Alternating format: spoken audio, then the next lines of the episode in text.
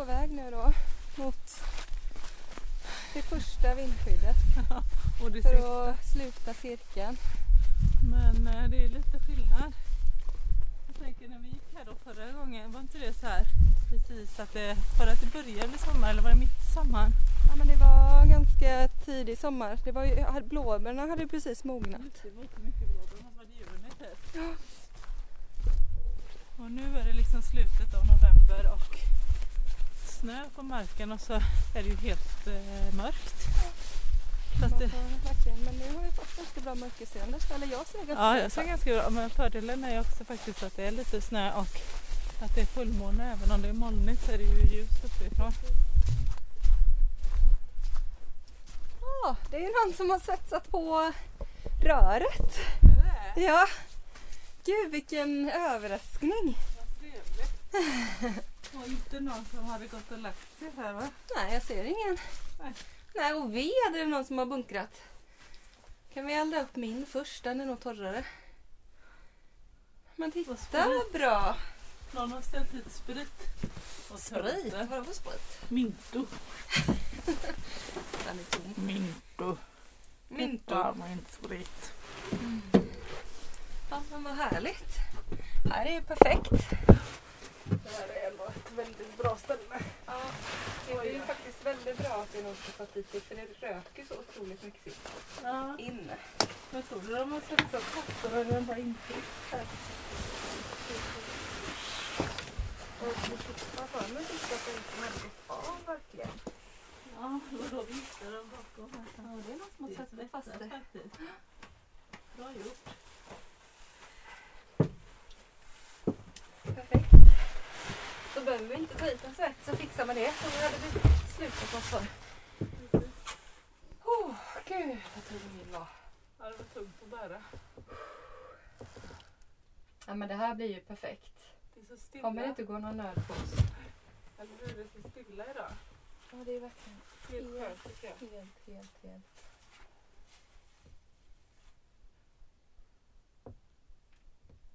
Det är verkligen som att man tänker att jorden har slutat snurra. Så stilla är det. Lyssna.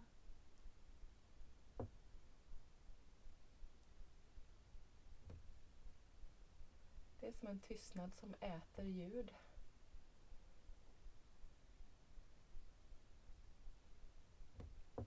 Du vet, man hör inte ens några fabriker eller någon motorväg eller någonting nu.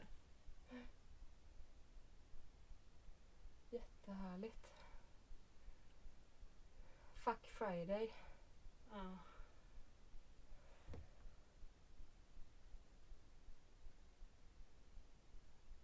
Fuck Friday.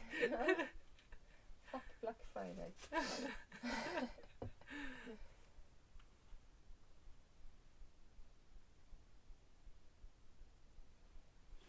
Gött, vi gör väl en eld då. Kommer Ja. igång.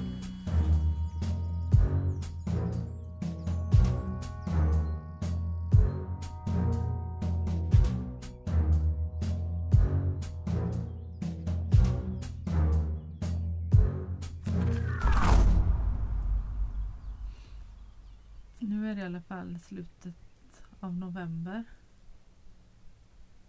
Och eh, det kändes eh, fint att komma tillbaka hit där vi började för att det finns ju en kamin här i vindskyddet.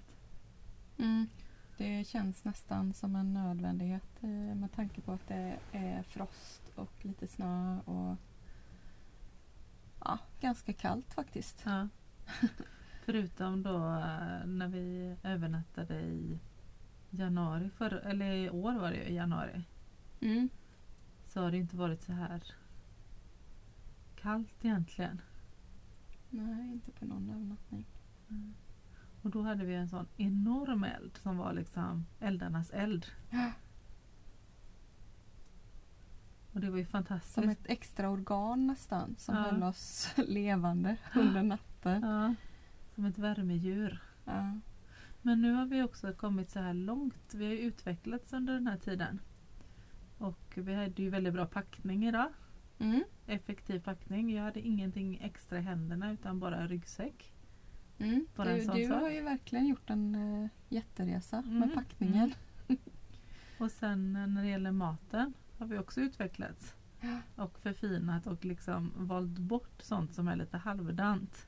Ja, Så nu kör vi mer bara lyxgrejer. ja, exklusiv det ska vara ganska camping. goda ostar. Ja. Pannkakor är värt att ha Mm. med en färdig smet i tetrapack. Yes. Jättesmidigt. Bättre än all korv med bröd i hela världen. Ja, så nu körde vi plätt, plättjärnet i ryggsäcken istället för eh, stormkök då. Mm. Det är tungt men det är ju väldigt flott att ha med sig ett plättjärn. Ja. Så nu har vi ätit plättar med den här goda röran som består av fetaost, crème fraîche och citronskal. Mm. Som har blivit ett signum för de här resorna. Ja, det var gott. Sen Ja, blir det ju gott. chokladbanan efter inspelningen. Mm. Som traditionen bjuder. Ja, och sen till frukost då blir det Då blir det lite surdegsbröd ja. med eh, ost. Så nu så står den här degen på någon sorts jäsning här. Grapefrukt har jag med också till Ja, det frukosten. brukar du alltid ha. Mm. Jo, den ska jäsas här över natten på något sätt om den inte fryser då. Men jag tänkte att jag ska ruva degen. Ja, Att den kan få ligga under liggunderlaget. Så det blir som en sån jäsugn. ja men kommer det inte bli väldigt knöligt för dig att ligga på den degen? Kanske, men vad gör man inte? Lägga men jag tänker att den ska ligga under min kudde liksom. ja. Det blir bara kudden lite, lite högre. Den är ändå väldigt tunn. Men om du lägger, kanske ska lägga degen i Eller en så har man degen ner i fotändan på sovsäcken. Det kanske är bättre. Mm. Det skulle den kunna, då blir det säkert lite lagom jästemperatur. Lite sån här gäst också från fötterna som Ja. får Så. jobba. Ja, vad är det här för en speciell dag då? Som vi har valt att ge oss ut.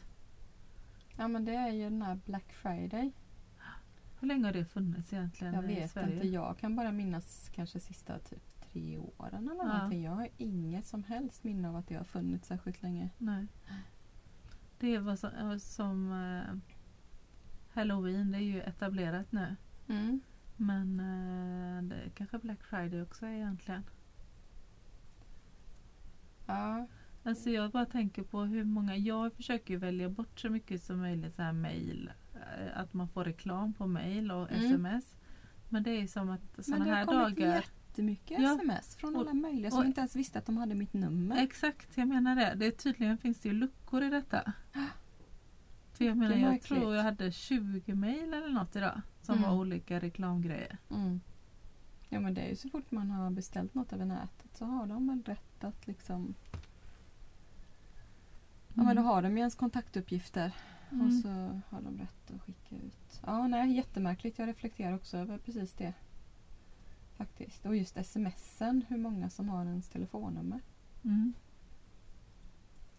Ja. Ja. precis, det bara plingar till. och Så. Men det är lite av en protest att dra iväg hit idag. Vårt sista tema var ju att prata om kapitalism. Mm. Så på ett sätt så passar det ju mycket bra att dra till Ja. skogs och skita i hela den kommersen. Mm. Och eh, prata om vad det är för ett ont. Ja. För ont samhälle vi lever i. För jag menar, om man ska prata om kapitalism då, som är kapitalism och vrede, som är våra tema. Förspilld vrede och kapitalism. Mm. Men då, då blir det liksom för mig att jag så här snurrar in på två saker. Och det ena är liksom kapitalism så som jag tänker kopplat till konsumtion Mm. och liksom ett eh, ekonomiskt system. Och det andra är ju mer eh, att koppla det till en eh, nästan ideologi. Alltså tiden vi lever i. Mm. Att det nästan är en religion. Ja, eller en filosofi eller Ja. en tidsålder helt enkelt. Mm. Som ett, eh, ett system. Ett system. Du vet när man lever mitt i ett system så är det nästan svårt ibland att vara medveten om systemet. Mm. Ja Det det. är ofta lättare att titta tillbaka på tidigare system och se att ja, ja, men det var på den tiden det förhöll sig på detta viset. Mm. Men det kanske är så att, att vi lever i kapitalismen. Och då kanske man behöver tänka liksom på hur förhåller vi oss till det och vad är liksom vad är bra med det systemet och vad är dåligt med det systemet eller vad är det man är frustrerad på eller vill förändra. Mm. Har du några tankar om det? Ja, men alltså för mig så den, den största frustrationen för mig gällande kapitalismen det är ju den ojämlikhet som liksom kapitalismen närs av. Liksom. Eller att, för att den överhuvudtaget ska kunna existera och fortgå så måste det hela tiden finnas en ojämlikhet mellan människor. Mm. Det bygger ju på att vissa personer tjänar pengar på andra personer. Och det kan göra mig något så vansinnigt frustrerad för samtidigt så är man ju också liksom fången i det och det är så mycket som man gör ja, men som jag också gör till vardags. Ja, men som resulterar i att någon annan på en annan del av det här jordklotet blir utnyttjad eller är exploaterad på olika sätt. Och det, det, jag tycker, det är det som föder den absolut största frustrationen för mig. Och sen så är det ju också såklart liksom eh, att det förstör hela planeten på många sätt. Ja, men, att man liksom eh, överutnyttjar resurser i en takt som inte jordklotet kan reparera, åter, eh, ja, men, återställa sig i. Liksom. Mm. De två, det, Ja, och då tänker jag liksom för en frustration är ju så här, ja, men det som vi återvänder till hela tiden i våra samtal som handlar ju om det. Mm. Eh, Alltså som handlar om det gemensamma som egentligen inte har ett kapitalistiskt eller ett pengavärde som är nat- de gemensamma naturvärdena. Så. Mm. Men problemet är ju också att det inte stannar där. Utan det går ju ut över annan typ av samhällsbyggande också som är det gemensamma. Mm. Jag tänker till exempel så här. Om man i ett samhälle har kommit överens om att ha ett eh, gemensamt utbildningssystem då som vi har. Mm. Där det finns en tanke om att så här, ja, men det är bra att eh, det, är ändå, det är ändå en bra grej att alla får samma möjlighet till utbildning. Mm. Och samtidigt så låter man kapitalismen gå in även där. Ja. Eller i sjukvården och liksom. Att det går att tjäna pengar på att människor är sjuka eller behöver utbilda sig. Mm. Då, då är ju inte det två separata system längre. Nej, och sen så det, just det med den eh, alltså fria marknaden inom utbildning och, och sjukvård är ju extra problematiskt för att vi bekostar ju sjukvården och utbildningen med gemensamt förvärvade pengar, alltså skatt. Vi, vi liksom ger ju av våran tjänade inkomst för att tillsammans bygga ett bra utbildningssystem och en bra vård. Mm. Och sen så kan personer då gå in och plocka ut de pengarna till egen vinning. Det blir liksom som ett helt eh, skav, ett system som bara kan skava liksom. Mm. Det finns ingen logik i, i den eh, ja, men det, i det kretsloppet. Nej det är ju inget kretslopp för det känns ju som om det bara läcker Ja, pengar. precis. Eftersom det går att... Och jag kan inte ens förstå hur, hur det en gång har känts som en bra idé för vissa. Nej. Att liksom, Ja men det är den här... det är du så här, jakten är på kvalitet. Så här. Man tror att allting ska bli så mycket Ja. högre kvalitet om någon kan tjäna pengar på det. Ja man kan konkurrera. Det är, är det ju den, inte. det är konkurrenstanken det bygger på. Ja, precis. Att ja men ifall någon Och att en konkurrens skulle ge mer kvalitet också. Ja. Och det är ju också en så himla konstig, märklig tanke egentligen. ja det är det ju. Framförallt ifall den konkurrensen bygger på ekonomisk vinning. Mm. Och inte andra typer av vinster då. Ja.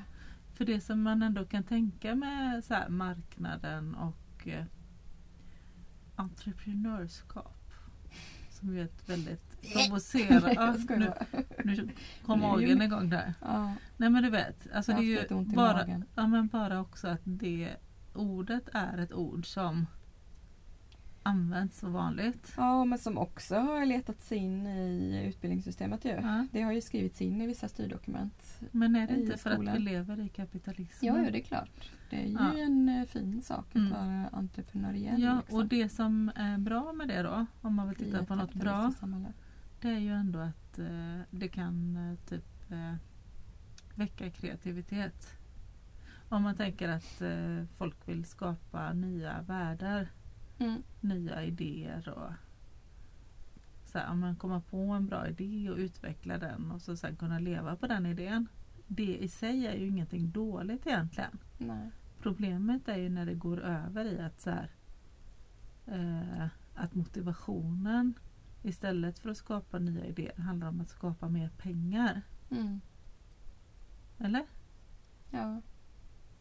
ja, men jag tycker på, på så överlag att det är en avsaknad av etik. Liksom. Någon slags etikdiskussion i hur vi förhåller oss till ekonomi och, och det gemensamma Mm. i samhället. Att allting eh, så här, vilar hela tiden på så att varje person skulle ha samma möjligheter och att det är upp till var och en att liksom förverkliga sig. Det är upp till var och en att se till att deras liv blir lyckade och att de tjänar mycket pengar. Men det är ju väldigt lite prat om huruvida det är okej att tjäna mycket pengar på någon annans bekostnad. Och hur, eh, hur liksom etiskt försvarbart det är att jag eh, kan ta ut vinster som innebär att andra får det sämre. Liksom.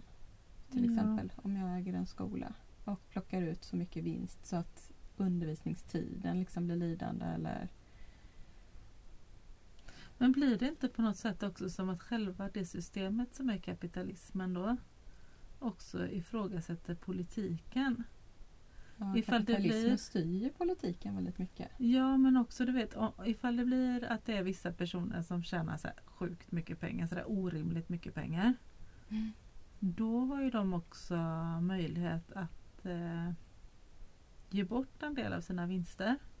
Mm. Det här tycker jag är svårt då. För att då många av de här riktiga stora globala storföretagen Mm. de är ju också de som är så störst på att eh, jobba med välgörenhet på olika Mm. sätt. Ja. Eh, och det i sig är ju ingenting dåligt att de vill ge bort sina pengar.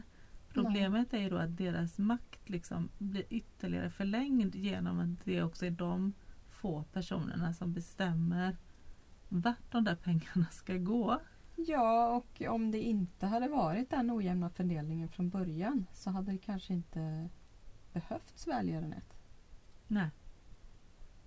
Så det är ju också ett sätt att så här, upprätthålla sin egen godhet och, och liksom på något sätt eh, argumentera för att, eh, att, att, att det skulle vara tillåtet. Eller att man, eh, ska jag säga, att man på något sätt så här, ger sig själv rätt att vara så rik för att man också ger bort en viss del av liksom sin inkomst. Eller ja, att man anordnar välgörenhetsgalor och det liksom är rätt mycket pengar i så här, omlopp. Som Mm. rika såklart ger Mm. bort till fattiga. Men eh, det är ju oerhört problematiskt eftersom att de är i en sån maktställning.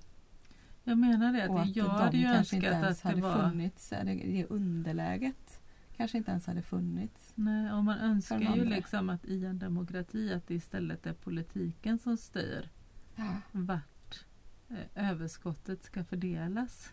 Precis. Eh, men det är ju så här supersocialistisk idé då. Ja.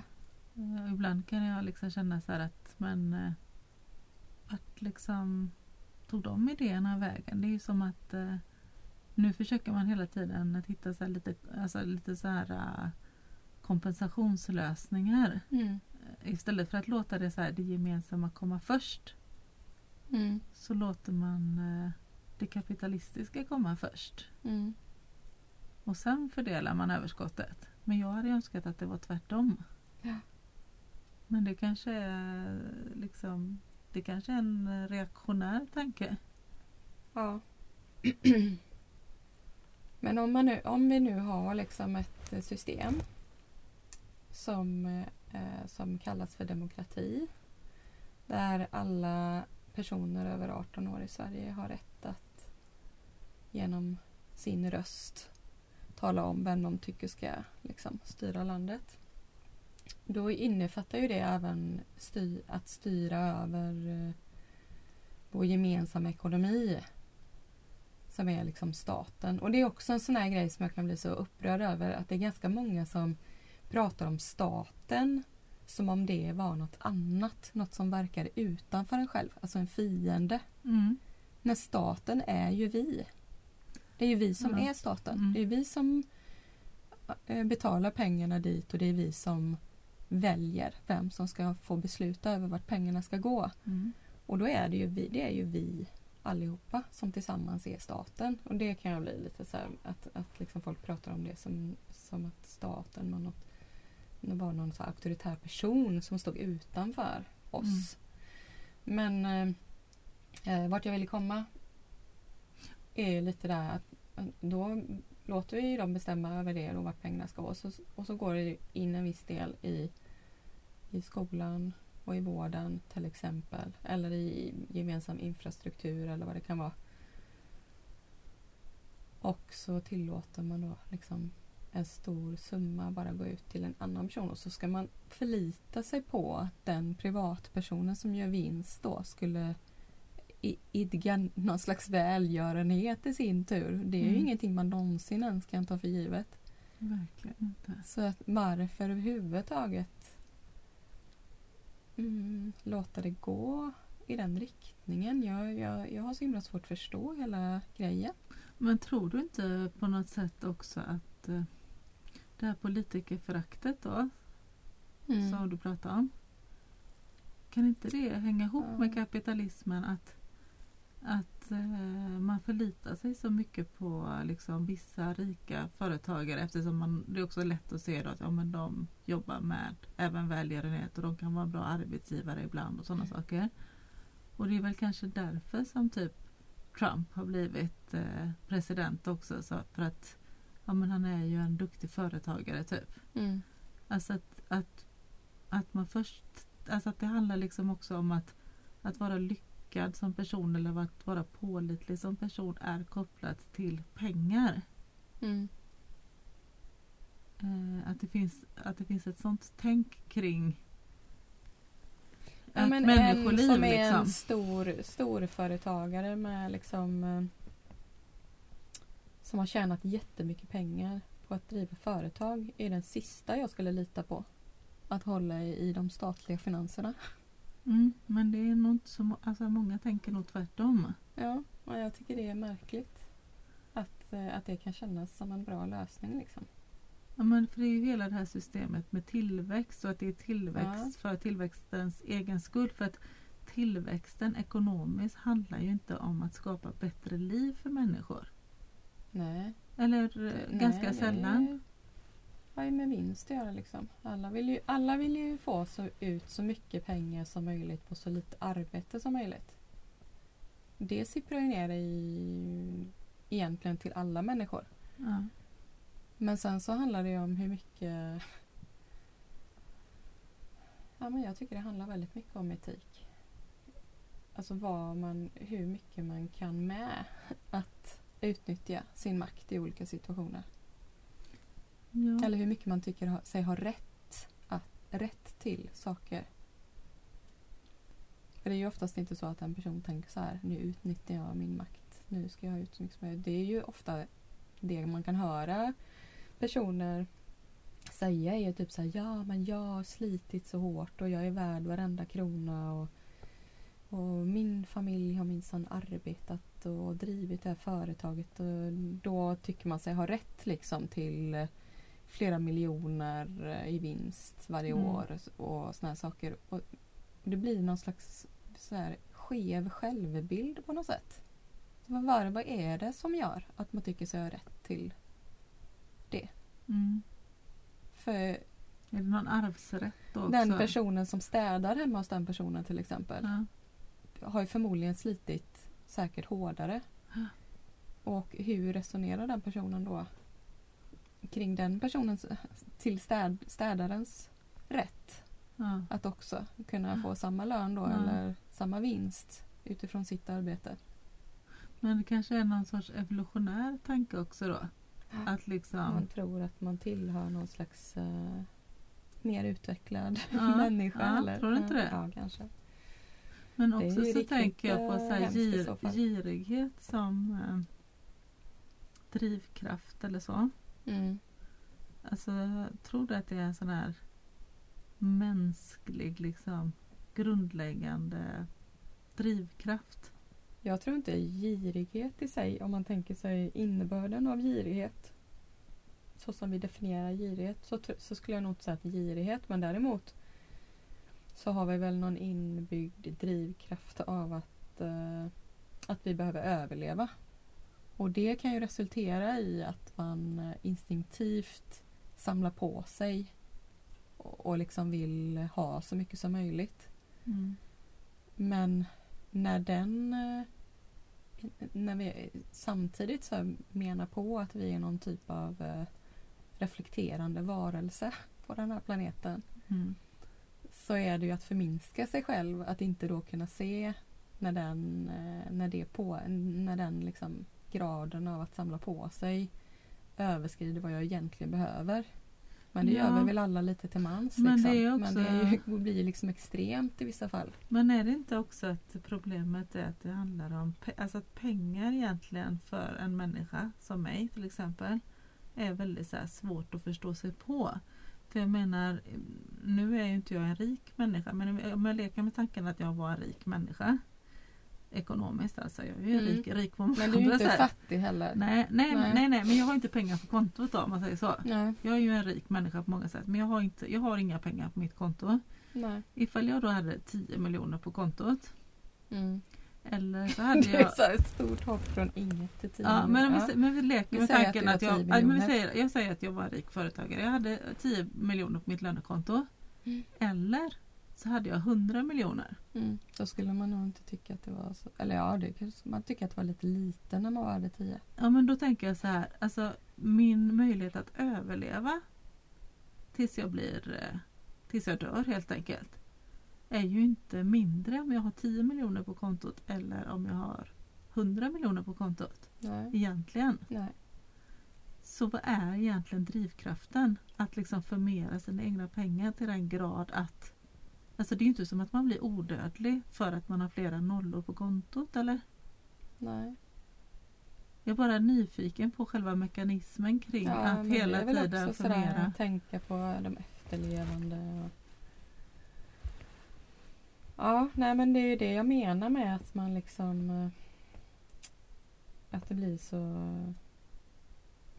att det är liksom en ganska snedvriden självuppfattning. Men ja, att argumenten för att få ha det så ofta är att man tycker att man är värd det av olika anledningar. Mm. Eh, Och som, som är ganska så här, svaga argument egentligen.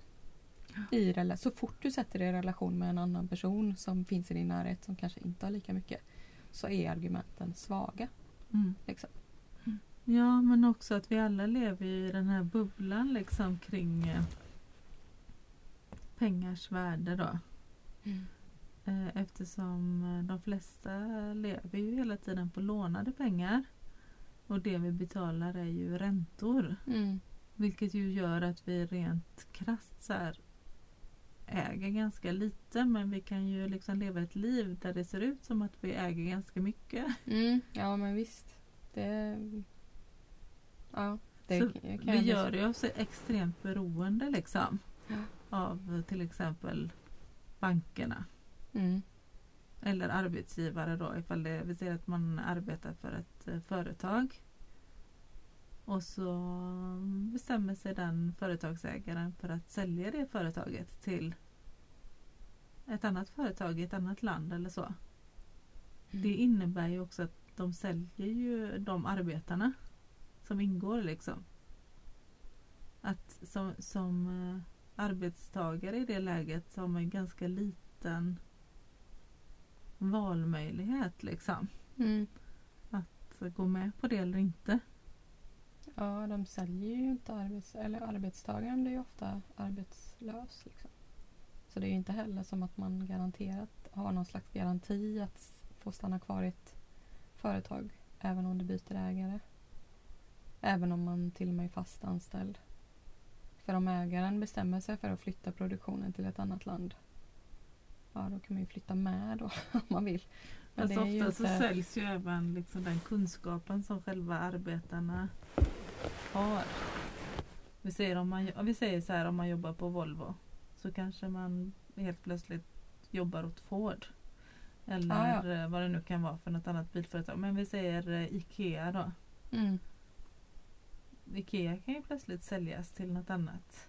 Det Mm. finns ju inga garantier för att IKEA kommer ägas av svenskar eller så. Nej. Och då säljer man ju inte bara de sakerna eller de affärerna eller det konceptet utan man säljer ju liksom all den kunskapen som Ja. ja, det är klart om eh, liksom företaget säljs och är kvar på den platsen. Men väldigt ofta när det säljs så är det också att hela produktionen flyttas och så. Mm.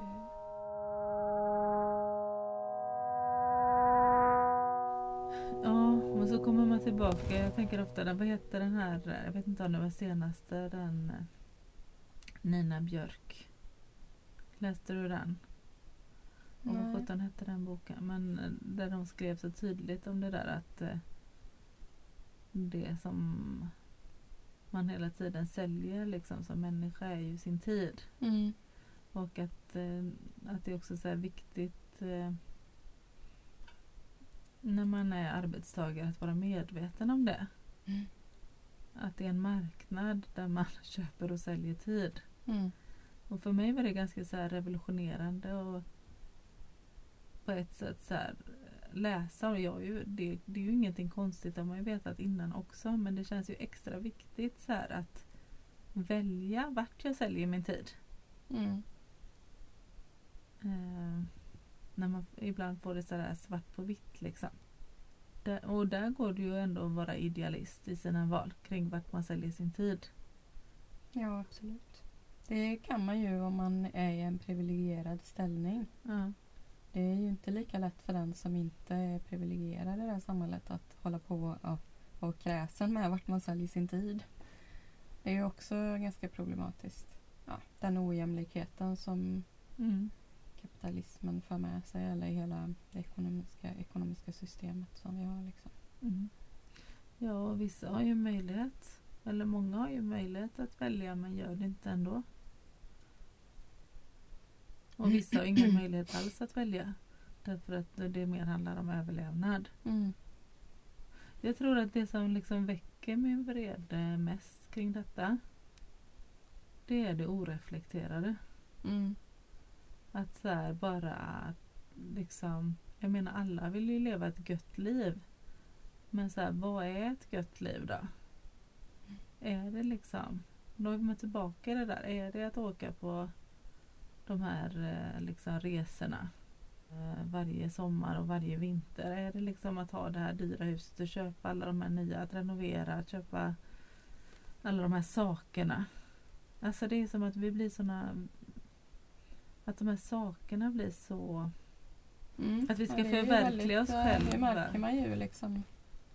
Ja men det är ju bara som att se på du- klimatkrisen och att vi vet att det är farligt att flyga. Folk bara fortsätter flyga. Mm, Även folk som är jättemedvetna mm, bara fortsätter. Mm.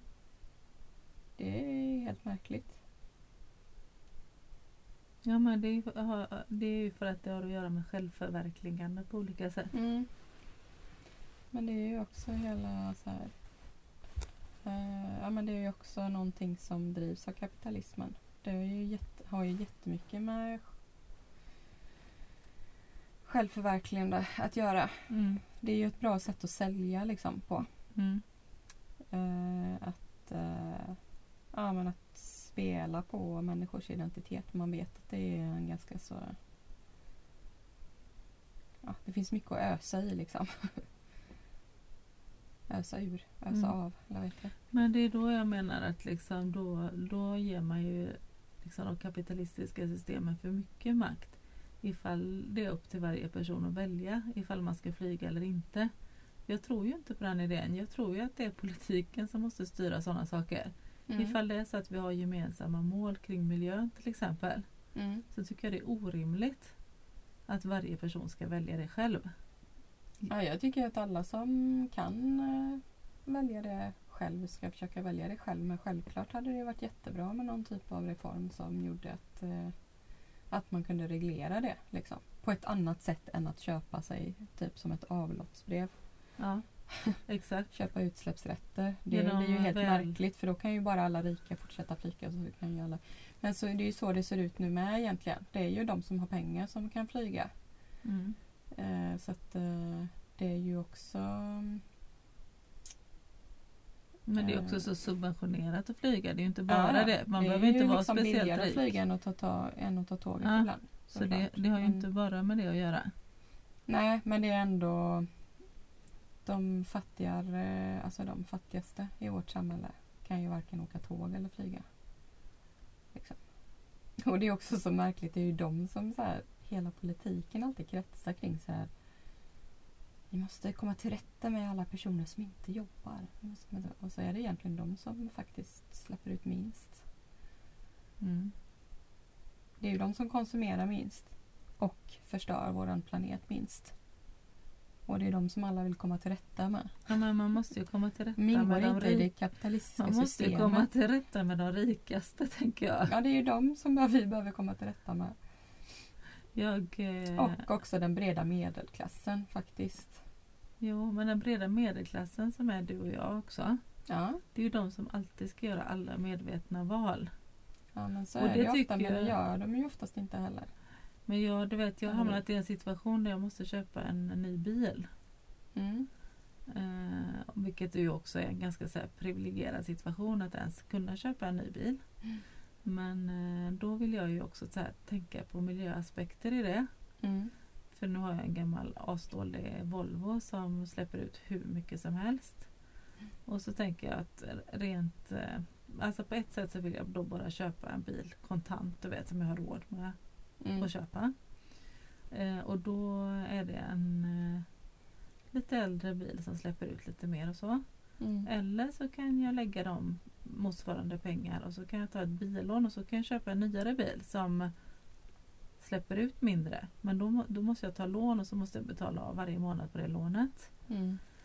Och eh, ja, så har jag varit hos en bilhandlare och hållit på fram och tillbaka och diskuterat olika grejer och möjligheter och lösningar och så.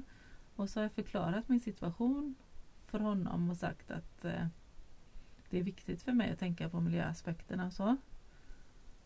Och då så sa han någon gång där han bara ja Alltså fast rent globalt så spelar det ingen roll om du köper denna bilen eller denna bilen. Mm. Och då fick jag ett litet raseriutbrott där inne på hans kontor. Mm.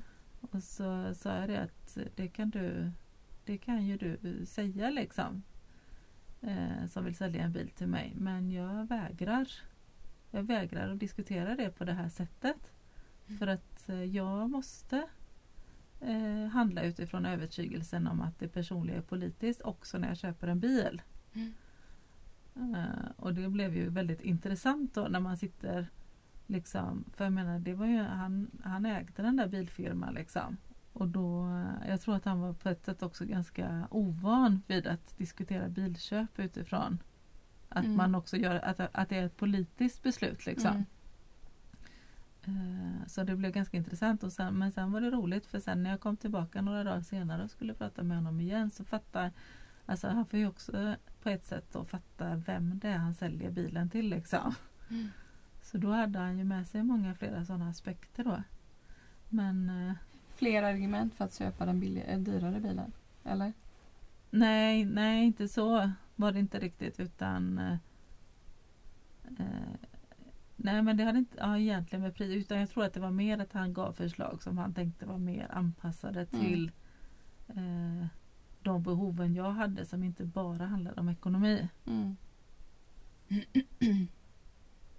Men det är ju svårt tycker jag att försöka vara en medveten konsument liksom i ett kapitalistiskt system. Ja, när man måste köpa något är det svårt. Men det absolut viktigaste är ju att försöka att inte köpa på något sätt. Mm. Det finns ju så otroligt mycket okynnesköpande. Ja, visst. Det är ju sällan man gör ett sånt stort köp som handlar om att köpa en bil som man Nej. ska liksom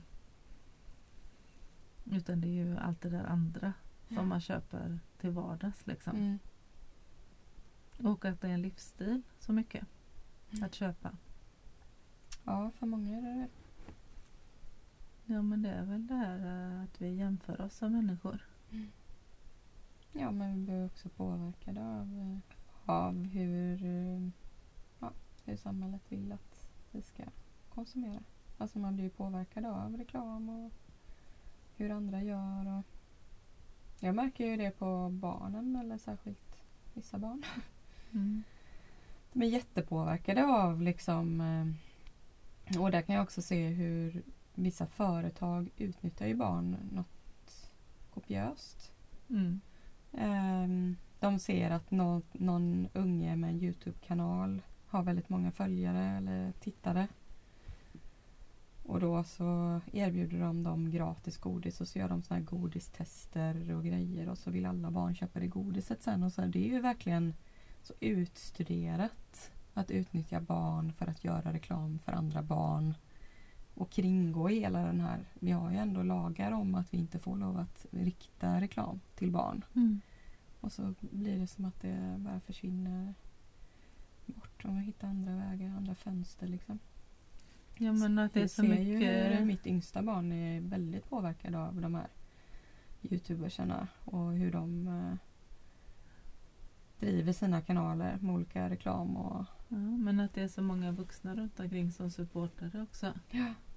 Genom att de vuxna också är med på att köpa de där grejerna Ja, barnen. visst. Ja, men precis. Men det blir ju så. Det är ju också i ett eh, sånt här konsumtionssamhälle. Så eh, den graden av hur mycket ett barn önskar sig som vi har i vårt samhälle eh, i, i jämförelse med kanske för 50 år sedan bara är ju enorm liksom. Det är, det är ju otroligt mycket mer som våra barn ser och kan få och liksom eh, så också kräver det ju väldigt, väldigt mycket mer av föräldrar och vuxna att stå emot och sen så är ju de flesta vuxna ju också helt eh, torsk liksom på det. Mm. Bara köper senaste teknologin hela tiden, byter upp telefonen varje år. Eh, ja, men, vi, men jag blir helt chockad ibland när jag kommer hem hos folk och bara ser hur mycket olika sådana här läsplattor och iPads och Mm. tv-apparater Mm. och hur mycket sånt det kan finnas i ett hem. Ja, Liksom. fascinerande faktiskt. Ja, jag blir helt... Ja, jag vet inte. Specialgrejer för allting. Men också att jag tror att många föräldrar också köper de där grejerna till barnen för att de tänker att barnen får eh, respekt eller Mm. ja, men alla andra barn har ju eller Alltså det är ju som att den här instinkten man- kring överlevnad har ju liksom gått utanför överlevnaden verkligen. Det är Mm, klart, det det är klart att man vill att ens barn typ ska äta bra mat och ha det varmt Ja. och liksom gå i skola. Alla sådana här grundläggande grejer. Det vill ju liksom alla Mm. att barnen ska få. Men sen är det som att när man redan har, när allt sånt där är liksom färdigt, att, det, eh, att vi lever liksom i en tid där allt sånt är självklarheter. Det är ingenting man behöver kämpa för så mycket. Mm. Så, eh, så är det som att det andra, det är som att det blir en på låtsaskamp alltihopa. Mm. Plus eh, antar jag då att det blir att om man säljer sin tid så mycket som vi gör nu liksom. Så vill man väl kompensera på något sätt eller? Och det är ju liksom Alltså vi lever ju i en väldigt svår tid om man tänker att vi Alla människor som typ kan läsa vet ju att eh, våra dagar är räknade. Mm. På den här jorden. Vi, Mm. eh, vi, har redan, vi har redan kört planeten i botten. Det är ju fruktansvärt ångestframkallande att vi har det, att vi lever i den tiden. Ja. Eh, och då, då är ju det enklaste sättet att hantera det är ju att blunda och att eh, söka tröst på olika sätt. Mm. Och saker eh, ger ju tröst tillfälligt liksom. Och så behöver man ju öka den där tillfälliga trösten hela tiden. Eftersom den tar slut så måste man ju på något sätt Eh, kompensera den med, med nya saker. Alltså trösten som ett köp innebär till exempel, den är ju väldigt övergående. ja, verkligen. Det är märkligt. Jag är så ohoppig av mig så jag tycker att det... Jag kan, jag kan liksom inte ens se hur, varför folk tycker att det är så tillfredsställande. Jag får panik. Bara jag ska promenera från Avenyn och ner till Centralen. Jag vet men jag är likadan men jag tänker att vi måste ju vara en minoritet. Ja. Annars hade det inte funnits Black Friday. För Nej. eftersom jag menar, det är ju inte så många som bara blir helt galna och åker i skogen istället. För att slippa. Nej, det är inte så många här idag. Det är helt tomt. Ja, Men det är ju som att det, den här frust- alltså det är som att det är också så, ganska befriande att, att ge sig ut så här och att liksom handla som man tror på något vis. skönt. Och samtidigt så kan det uppleva, alltså jag kan också uppleva det som en helt förspilld vrede. Eftersom det inte är, jag kan inte jag kan inte se att det gör någon skillnad. Det är bara, du vet, det är ju som att konsumtionen ökar ju bara, den ökar ju liksom helt sjukt mycket varje jul till exempel. Mm. Det ska Och julen rekord i år med. Ja, julen börjar ju bara tidigare och tidigare för Mm. varje år och allt detta. Ja, det. Och, jag, och så tänker man bara, men snart så kommer eh, liksom det här sönderfallet att bli totalt. Eh, och man inser liksom, men det spelar ingen roll hur mycket man inser. Det spelar ingen roll att vi hade en sån där eh, varm sommar och att det var en sån torka, det var såna bränder, liksom människor dog liksom. Det är ju inte som att eh, var och en gör nya val för det. Eller att man börjar leva annorlunda eller så. Det är Nej, man- fast jag tror ju ändå att det är några stycken. Alltså jag tror ju ändå det är fler. Jag tycker mig se ändå en ökad en ökning bland de personerna som faktiskt säger ifrån och säger att nej, jag tänker inte vara med på Black Friday. Nej, jag tänker inte flyga. Ja, men är Nej, inte jag det din inte- bubbla då? Är inte det liksom i din lilla Facebook-bubbla? Nej, nej, men alltså jag menar inte så mycket. Jag är inte på Facebook så det, det Nej, är inte men det jag jag- menar. Jag ser, det syns ju i eh, medier och överallt ändå att det, diskussionen lyfts ju. Och det är ju verkligen fler och fler Mm. som ändå väljer bort. Så och det ökar ju fortfarande men jag tänker att någonstans så borde ju antalet personer som säger nej bli så pass många att det börjar gå åt andra hållet. Ungefär som liksom när man så här kastar iväg en boll så accelererar ju den först ett tag tills den förlorar den kraften som jag stötte iväg den med. Mm. Och då, då börjar den gå ner mot marken. Liksom. Att, att, vi, att det finns en osynk i att inte man kan se en sån tydlig orsak och verkan. Eh, att det finns en fördröjning i verkan. Så, liksom eh, även om fler folk börjar bry sig nu så kanske det tar ett tag innan man ser någon skillnad i julhandeln eller i för att eh, många andra fortfarande gör det mer. Alltså, många andra fortfarande ökar sin konsumtion. Alltså ibland tänker jag att, eh, du vet, för, för så tänker jag ju också när jag har positiva dagar. Och jag, och jag försöker ju handla så att göra egna val som jag tror kan påverka på bra sätt ganska mycket. Mm. Men, men det har ju också att göra med att jag ska leva med mig själv och min egen ångest och allt sånt där. Mm. Men eh, samtidigt så tror jag att om det ska ske några riktiga reella förändringar då måste typ bankerna gå i konkurs. Så att det påverkar alla våra belåningar till exempel. För att man på riktigt så ska sluta konsumera så mycket. Mm. Och det, det är ju hemskt på många Ja, sätt för det det handlar om att ju- eh, samhället kommer att förfalla liksom. Det kommer ju ske en ekonomisk kollaps, kollaps liksom. I, säkert under våran livstid i alla fall. Mm. En rejäl kollaps. För det finns ju också en gräns för hur mycket hur mycket vinst eller hur mycket liksom för all vinst bygger ju på att det finns någon att utnyttja lägre ner i liksom själva kedjan.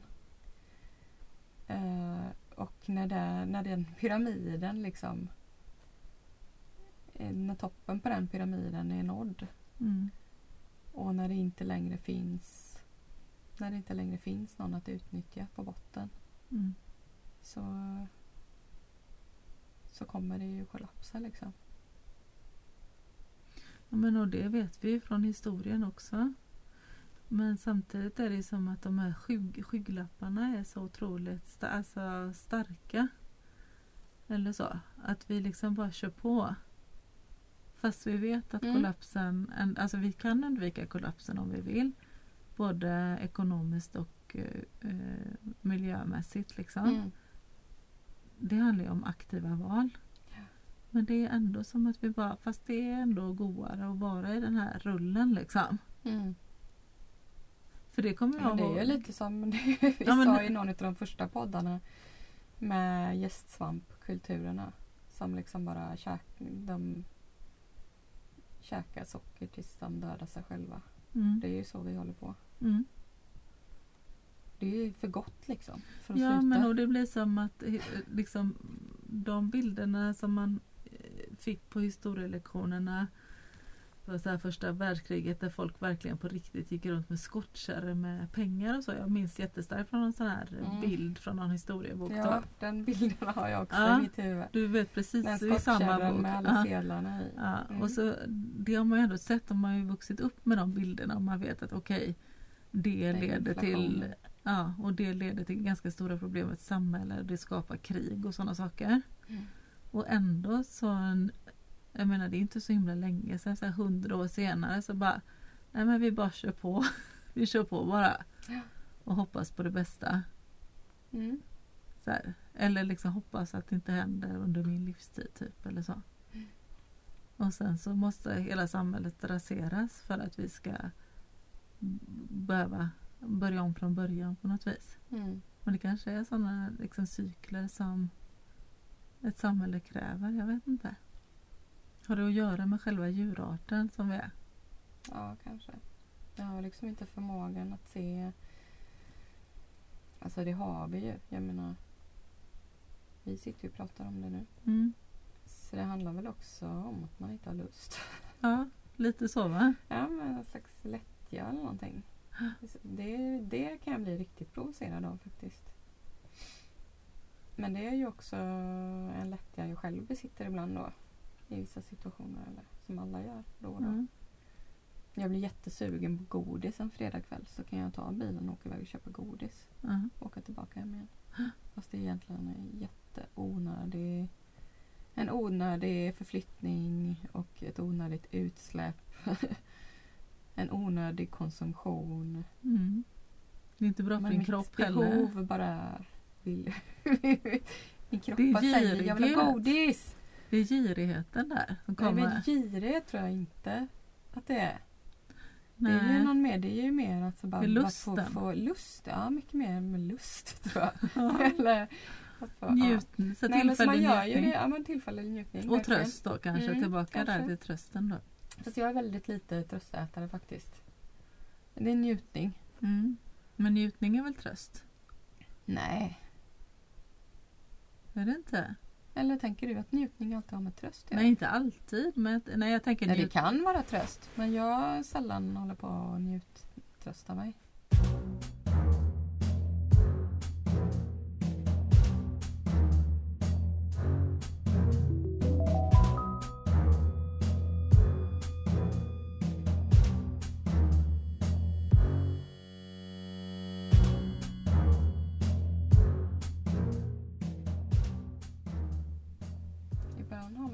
Behov av en varm brasa. Ja. Det är skönt.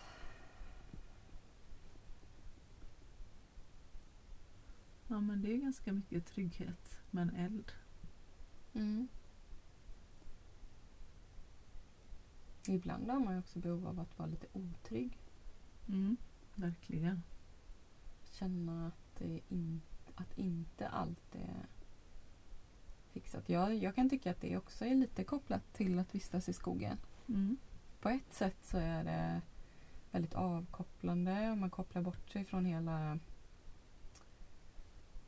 eh, men hela, hela apparaten som man annars ingår i. Liksom. Och det är mycket som skalas bort. Och samtidigt så är det också en liten så här, en liten utsatthet Mm. som man försätter sig i Mm. på ett sätt. Som kan vara skön också. Jag håller med dig, för jag tycker att eh, en strävan i livet det är ju eh, utmaning. Alltså, utmaning kan ju vara otrygghet på olika sätt. Mm. Att man går in i situationer som man inte känner till eller så. Mm. Gå lite utanför det Mm. bekväma. Liksom. Men sen är det ju som att när man har utsatt sig för någonting så behöver man ju backa hem liksom. Mm. Eh, till någon eld eller någon eh, något man känner igen på något vis. Mm. Och så håller man på med de där rörelserna hela tiden. Ja. Och ibland sker det någon sorts utveckling av att så utmana sig och sen backa tillbaka. Mm. Det blir ju också på något sätt eh, när man vet att det är sista samtalet och Mm. att mycket som har att göra med det här ämnet kapitalism har vi ju kretsat kring på Ja. olika sätt. Och då blir det mer som, också som att man sammanfattar vissa saker. Mm. Och det, är ju liksom vissa så grundteman som vi är väldigt överens om på något Mm, sätt. Och det är mm. ju också att vi har en väldigt så stark eh, socialistisk grundsyn båda två Mm.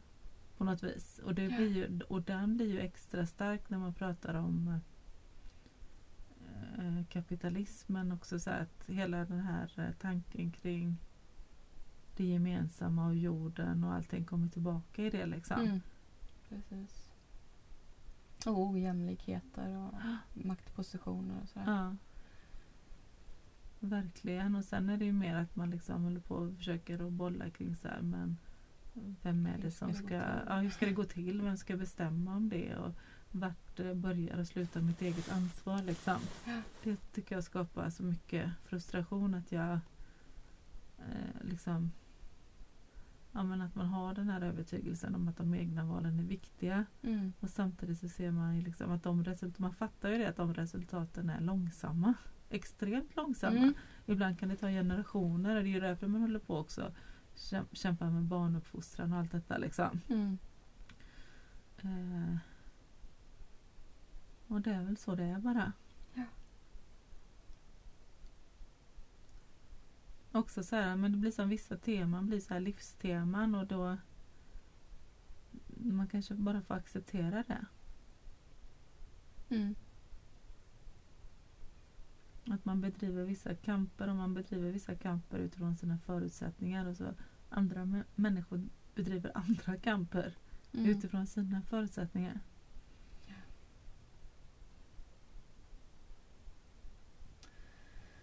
Vi har ju kommit fram till en del lösningar också under de här samtalen. Mm. En favorit är, är ju ändå den här när vi samlar alla rädsloskrik i en burk och riktar mot Mm. Kim Jong-Un. Jo, jo. Kim Jong-Il. Nej vad heter han? Jag kommer inte ens ihåg vad han heter. Kim? Kim. Ja, nej men eh, vad gör vi av allt detta nu då? Har det hänt något? Har vi kommit någon vart? Ja, jag tycker att det har hänt ganska mycket egentligen om man tittar på hela tiden som vi har hållit på med detta.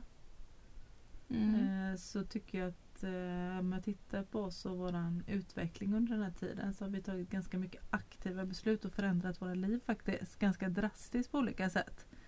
Det har ju inte bara att göra med de här samtalen men jag tror faktiskt att de har hjälpt till lite grann. Mm. Vad är det något särskilt du tänker på? Ja, men jag tänker eh, till exempel att jag sa upp mig från ett jobb Mm. Eh, och jobba på nya sätt. Du har också så tagit tjänstledigt och studerar igen. Mm. Eh, och det har ju att göra med att liksom, till slut måste den där frustrationen och ilskan och allt det där förspillda på något sätt ledas in i någonting nytt. Liksom. Eh, jag känner att jag jag känner inte att, att liksom vreden i sig minskar.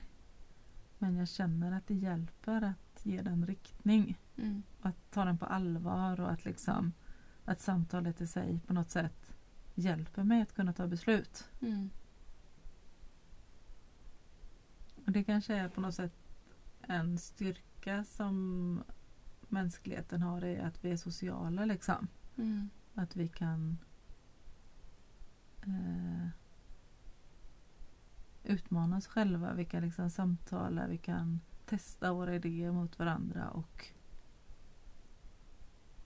komma vidare. Mm.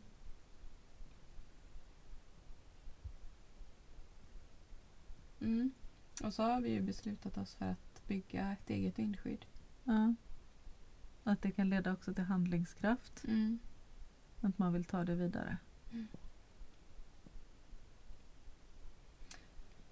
Ja, det är ju en del sådana trådar nu som vi liksom har att ta tag i och, och, och göra något utav. Mm. Dels att vi ehm, vill ta vidare den samtalsformen som vi ändå har utvecklat också under de här övernattningarna. Ehm, och dels att vi skulle vilja bygga det här vindskyddet som finns närmare hemma och dit man också kan bjuda in personer till samtal om eh, viktiga frågor. Mm. Mm, så det, det skulle ju också kunna få liksom att, att det blir en förlängning. Ja. Och Mm. sen eh, blir det ju för att grejen var ju lite grann att vi först tänkte på det liksom som att de här övernattningarna var ju ett researcharbete. Mm. Alltså det var en del av processen men så har vi också valt att dokumentera processen. Så att det har ju blivit, alltså det blir ju så här en produkt i sig varje sånt poddavsnitt liksom. Mm. Och sen har vi gjort några gestaltningar när vi gjort performance och vi gjort de här filmerna och Mm. Den här modellen och sådana saker. Men det har ju varit liksom som också en del av processen eller pröven eller så. Ja, och det, det är ju också, tycker jag, är väldigt intressant för i stort sett eh, alla de verken vi har gjort ihop och som vi har ställt ut under den här tiden, på olika ställen, har ju blivit till också i samband med övernattningar. Alltså idéerna har fötts och väldigt ofta på morgonen dagen Mm. efter. Mm. Att vi liksom i, i promenaden tillbaka på något sätt bara Mm. plötsligt så här bara det bubblar fram en massa Mm. ehm, Och starka bilder. Så och då kan det vara så och att, och att vi liksom... Ja, men jag upplever inte att, eh, att eh, den, den graden av samarbetsförmåga uppstår eh, på alla ställen i vardagen. Så. Men det är så som det gör när man liksom har övernattat så här en natt och samtalat, så vaknat tillsammans, ätit frukost och sen packar ihop och liksom bara eh, på, påbörjar den där res, eller så promenaden tillbaka. Att det är någonting som händer där. Ja. Och att med liksom det, den typen av samtal som vi har haft på de tillbaka promenaderna Mm. där det liksom bara ehm, är som nästan att det är samma person som pratar Ja. med sig själv. Det är har väldigt intressant helt, tycker ja, det jag. är det. Och det har varit helt oplanerat. Ja, att det bara uppstår Ja. och ofta så föds det någon så här och då och det och då, ja det tänkte och så liksom nästan som att man tänker varandras tankar. Ja. Det är ganska speciellt tycker jag. Ja, det är det. Det är en arbetsmetod Mm. som vi har kommit fram till.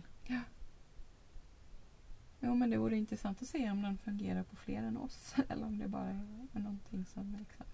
Men vi kom ju också fram till att om man typ har eh, problem, om man har eh, ett problem som måste lösas på en arbetsplats Just det. så ska man eh, sova en stund. Mm. Just det, det har vi ju faktiskt kommit fram till. Vi har ju utvecklat några metoder som vi tror på. Ja. Ja, det ska, nej, jag vill inte skriva någon självhjälpsbok Julia. Jag vill inte skriva någon sån. Inte jag heller, men jag Nej. vill förenkla saker. Ja, bara liksom ge några enkla tips här. Ja, Inte hålla på att vara någon sån jobbcoach eller någon sån... Jag är ingen Nej. coach liksom. är du inte? Nej. Nej men inte på det sättet. Inte den eh, entreprenöriella företagscoachen. Nej. Nej. verkligen inte. Det är inte jag heller, men jag är Men väldigt... det finns ju vissa bara saker. Tips. Ja, Tips. tips. Man skulle Tipscoach. kunna komma med. Camillas tipscoachskola. Nej, jag vill inte heller liksom sälja idéer på det sättet eller så. Däremot är jag ju väldigt intresserad av processer Mm. och mänskliga möten liksom, och vad som kan uppstå i dem.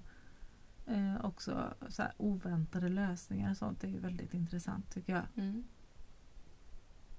Och det här liksom, men, men lite som du var inne på det där att det liksom blir någonting mer ifall man, så här, om man så kan slappna av och så här, vara nyfiken på varandra och så. Då kan liksom man hitta ganska så smarta lösningar som inte bara en den ena utav de personerna hade kommit fram till. Ja. ja, precis. Det är intressant ändå. Mm. Det är det.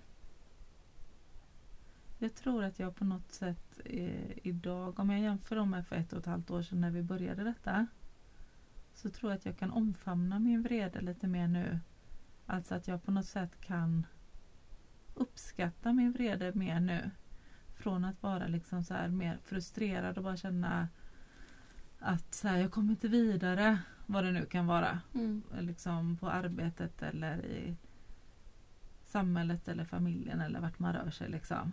Ja, jag, jag uttrycker all den här vreden men det leder ingenstans. Så kan jag nog ändå mer ha erfarenheten nu av att den leder till vissa saker när jag formulerar den.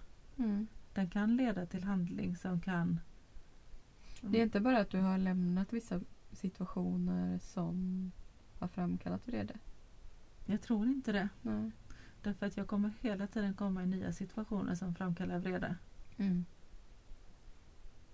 Utan det är som att jag förhåller mig annorlunda till den.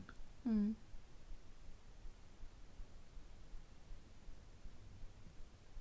Men jag har nog också kanske blivit lite bättre på att bara släppa vissa saker. Sålla lite. Mm. Nej, men som du sa innan, vi har ju också mm, förflyttat oss liksom rent kroppsligt i vad vi gör dagarna. Mm. Vilket ju såklart kan spela roll för då kan man ju också, om, för när man är i en situation där det är mycket frustration som föds på flera olika håll hela tiden så blir det ju ganska överväldigande. Men om någon av de sakerna tas bort så blir man ju också bättre på att hantera de andra situationerna för att det blir inte lika övermäktigt liksom. Mm. Så, sen så har väl inte jag eh, varit en person som har låtit min vrede bubbla ut och bubbla på någon. Den har ju mer varit inuti. Mm, Du har ätit den. Ja, men Till frukost, eller bara någon slags frustration liksom. Ja. Och eh, som så här tär lite efter ett tag. Ja.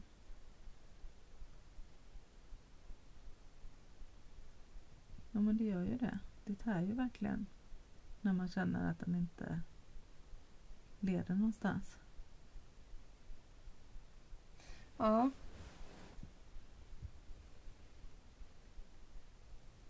Gud vad kallt det är. Jättekallt. Man känner det. Ja, är Man bara andas och ser de här rökmolnen. Ja.